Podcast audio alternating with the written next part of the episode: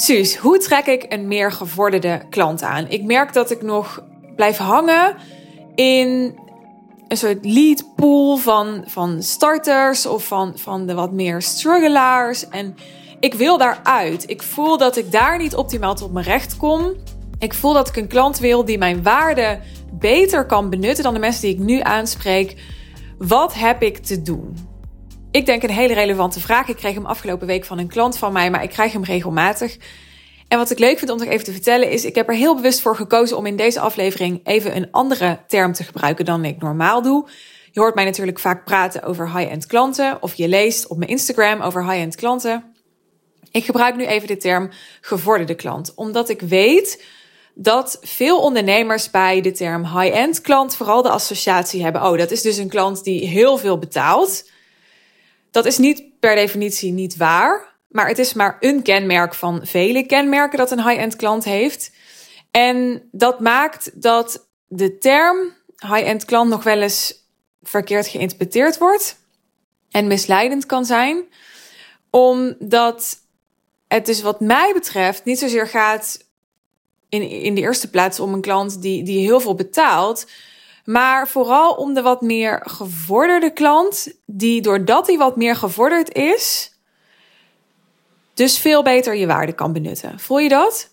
Iemand die, dit is iets wat je me wellicht vaker hebt horen zeggen, ik heb het ook weer op mijn event genoemd, die al voor 90% op weg is om dat punt te bereiken waar jij hem of haar naartoe helpt dat is iemand die jouw waarde het beste kan benutten, omdat er al een enorme vruchtbare bodem is waarop alles wat jij die klant gaat leren en gaat vertellen, gaat adviseren, gaat feedbacken, whatever, landt op vruchtbare grond. Dus die klanten wil je. Die klanten die al heel veel weten, al heel veel doen, al heel ver zijn, maar toch nog net die laatste schakel missen die jij voor ze hebt en die het verschil voor ze gaat maken. Dit is ook gewoon super lucratief om te doen. Uh, dit is waar ik mijn klanten met name bij help om je zo te positioneren dat je die klant aantrekt. Want omdat die klant jouw waarde zo goed kan benutten, wordt jouw dienst, jouw aanbod, jouw programma, jouw traject meer waard. En omdat het meer waard wordt, kun je er meer geld voor vragen. Dit is hoe het werkt. Oké, wat allereerst belangrijk is, is als je die wat meer gevorderde klant wil, dat je jezelf gewoon een aantal slimme vragen stelt. Bijvoorbeeld, wat maakt nou dat juist die mensen die al verder gevorderd zijn, respect voor mij gaan hebben of meer respect voor mij gaan hebben? Of wat maakt dat die mij überhaupt zien en serieus nemen? Stel jezelf eens die vraag. Ga daar eens over brainstormen. Definieer wie die gevorderde klant is voor jou. En ga je vervolgens, dit is gelijk mijn tweede advies, helemaal verdiepen in die persoon en in zijn of haar belangen, in zijn of haar beweegredenen, in zijn of haar beslissingsproces als hij of zij gaat investeren. En probeer je dan dus af te vragen: wat zou maken dat iemand zoveel respect voor mij heeft? Of zo gebaat is bij wat ik doe, of zo de behoefte voelt voor waar ik hem of haar bij kan helpen, dat hij daarin gaat investeren. Dit is waar marketing en positionering en sales over gaan.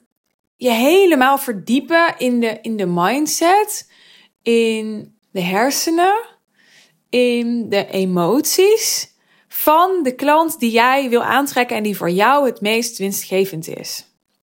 Althans, dat laatste zou ik je adviseren.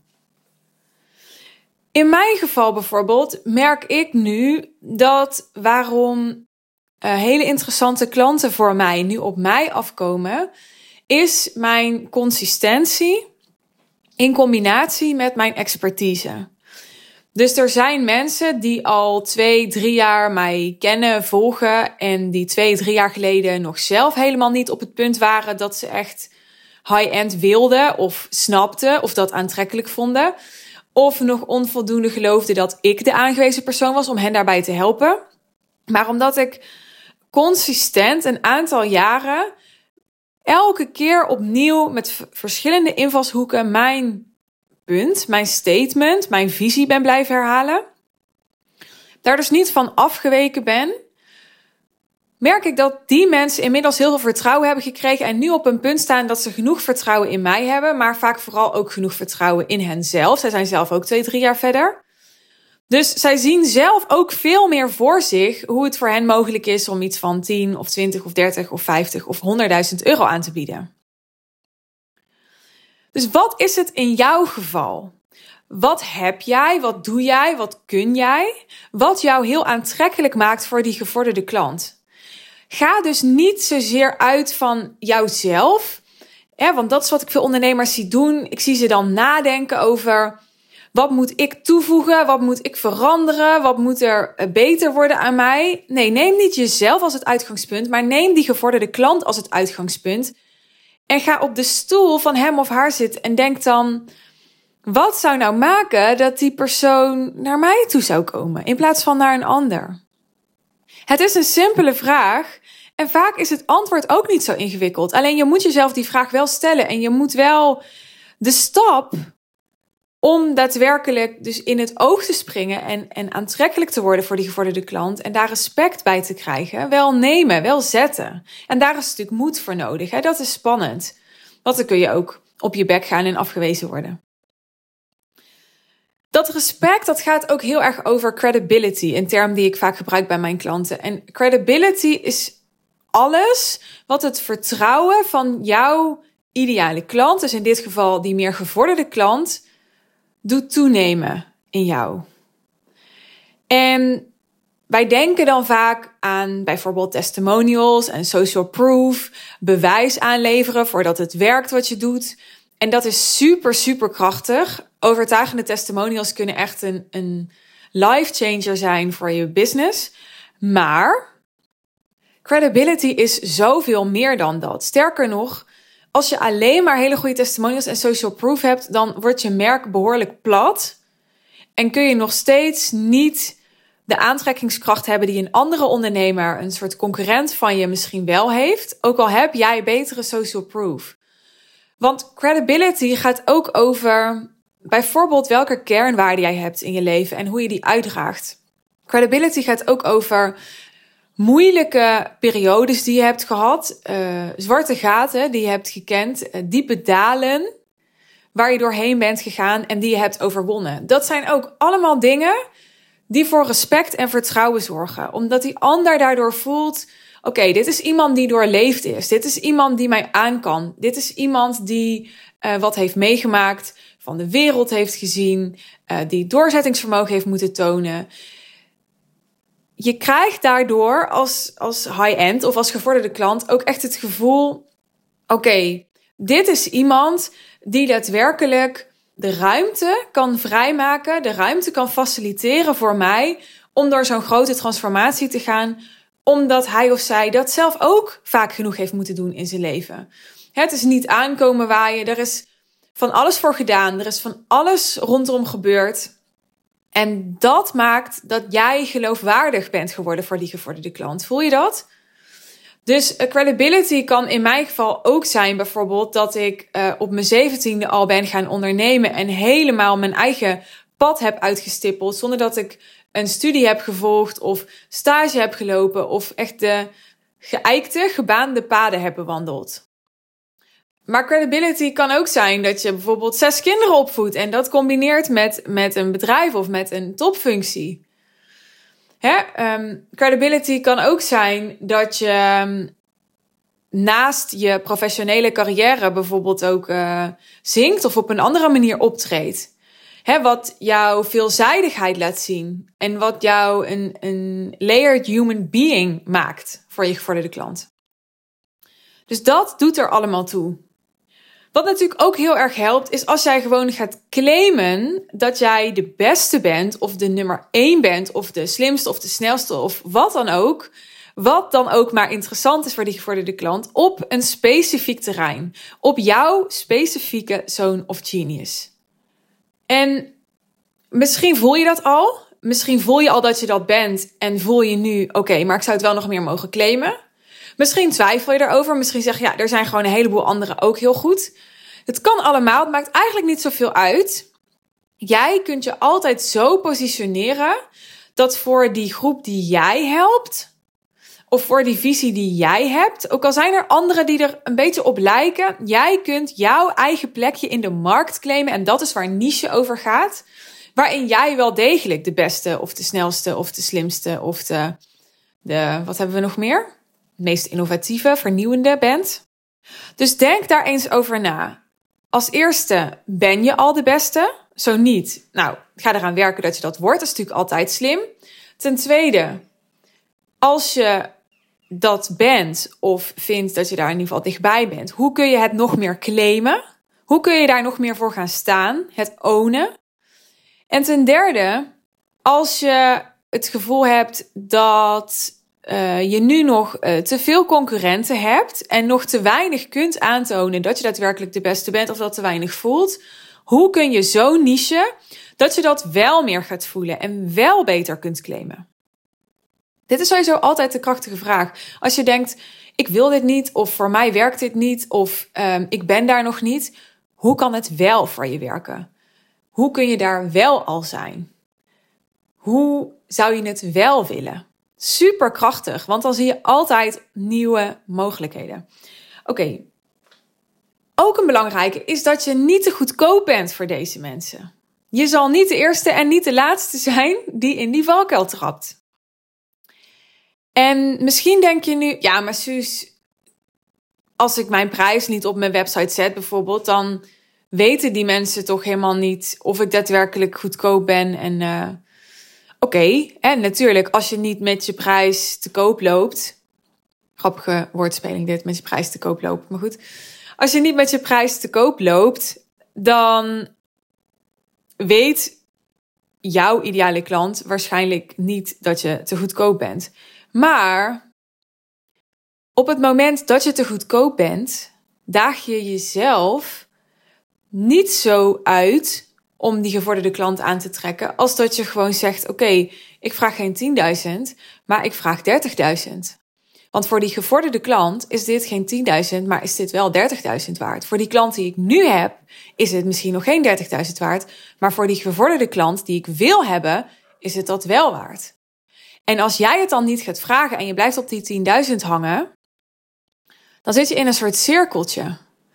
Jij kunt die cirkel doorbreken door te zeggen: Oké, vanaf nu kost het 30.000, waardoor je jezelf uitdaagt om te gaan onderzoeken en te gaan leren hoe je ook dan daadwerkelijk die 30.000 euro klant krijgt. Anders heb je geen cashflow natuurlijk. Bovendien, mensen voelen het ook energetisch. Er gaat iets in jou veranderen energetisch als jij voor zo'n nieuwe hogere prijs gaat staan. Je gaat andere dingen zeggen, je gaat andere dingen doen, je gaat het, het, het straalt af. Dus zorg dat je niet te goedkoop bent. Ik ben in het verleden echt een aantal keer bij een aantal klanten in een aantal fasen van de opbouw van mijn bedrijf te goedkoop geweest. En waar zorgt dat voor? Of waar leidt dat toe? Wat zijn de consequenties daarvan? Dat een klant uh, niet het maximale uit mijn waarde haalt, want die wordt als het ware lui. Die wordt niet heel erg uitgedaagd, want uh, het is te makkelijk om de investering terug te verdienen, of het is het bij het minste of geringste al waard geweest. En dat zorgt er ook voor, als ik voel dat ik eigenlijk te goedkoop ben, dat ik niet word uitgedaagd om echt het allerbeste uit mezelf te halen en op het toppen van mijn kunnen te gaan presteren. Want dat is wat de, de juiste prijs, die net op de grens zit van wat, wat passend is, doet. De juiste prijs zorgt voor scherpte bij zowel jou als jouw ideale klant. Dat is waar ik voor sta, want, want die scherpte en die uitdaging en ja, dat ideale snijvlak, dat is where the magic happens. Kan je dat voelen? Dat is waar de beste resultaten en de grootste transformaties worden bewerkstelligd. Oké, afgeleid hiervan is dat je ervoor gaat zorgen dat je onvergelijkbaar bent. En ik, ik hinte daar al op net toen ik zei: ga niche. Ga zorgen dat, dat jij de beste bent, de beste kunt zijn op specifiek jouw terrein en jouw niche. Maar ga er dus ook voor zorgen dat, dat je door je marketing of door je, je uiterlijk of door je branding of door uh, je tone of voice of door andere opvallende kenmerken aan jou, die echt typerend voor jou zijn, dat je jezelf daar onvergelijkbaar mee maakt. Voor mij was dat bijvoorbeeld echt, als ik terugkijk op het afgelopen jaar, uh, mijn event in oktober, de High Level Sales One Day Intensive. Ik had een kerk afgehuurd en ik had uh, echt van die uh, laarzen tot mijn, hoe heet dat, dijbeen aangedaan. En mooie jurk en ja, echt een, een opkomst met, met een video en muziek. En er zullen er vast meer zijn die ook zoiets doen. Dat weet ik eigenlijk niet, want ik hou ook niet iedereen in de gaten. Maar toch, het was voor mijn klanten die daar zaten echt weer vernieuwend. Echt weer een, een nieuwe ervaring. En het maakte mij daarmee, dat is wat ik gevoeld heb, wat ik ervaren heb op die dag, maar ook daarna, onvergelijkbaar met anderen, omdat het, uh, het ontsteeg een gemiddeld business event of een gemiddelde training die een business coach organiseert. En dat is ook een reden waarom ik het zo heb aangepakt. Om mezelf weer nog um, hoger en scherper te positioneren. Want het event zelf was niet zo winstgevend. Uh, wat trouwens niet waar is, want er zijn een heleboel klanten uitgekomen. Dus is niet waar wat ik zeg. Dus het event was wel winstgevend, maar het event zelf niet zozeer. Hè, dat had veel winstgevender gekund. Maar ik heb het bewust zo gedaan. Ik heb bewust die kosten geïnvesteerd die ik erin geïnvesteerd heb. Omdat ik het zag als een investering in mijn positionering, in mijn marketing. En zo heeft het ook gewerkt. Dus vraag jezelf af, hoe kun jij jezelf onvergelijkbaar maken, waardoor je automatisch ook exclusiever wordt. Want als er minder anderen zijn die op jou lijken, dan word jij uitzonderlijker en voel je daarmee dus meer exclusief. Eigenlijk draait het erom, wat wil die klant horen en weten en zien die Chanel koopt en niet CNA? Want dat is die gevorderde klant. Daar kun je het mee vergelijken. Het is natuurlijk een iets andere situatie, want het is niet zo dat een klant die Chanel koopt meer gevorderd is in het leven per se. Maar een gevorderde klant is ook niet een betere klant, het is vooral een ander type klant. Zoals een Chanel-klant ook niet een betere klant is, maar gewoon een ander type klant dan iemand die bij CNA koopt. Iemand die Chanel koopt wil een andere beleving, een andere behandeling. Die wil ook een andere prijs. Die wil ook graag dat die Chanel tas gewoon duur is. Want anders is het niet leuk om een Chanel tas te kopen. Mensen willen daarvoor sparen. Ze willen dat als beloning als ze iets hebben bereikt of zo. Of ze willen dat als super luxe cadeau van hun partner krijgen. Waardoor ze zich echt bijzonder voelen. Dat hoort er allemaal bij. Dus ga je verplaatsen in die klant die bij wijze van spreken Chanel koopt en niet CNA.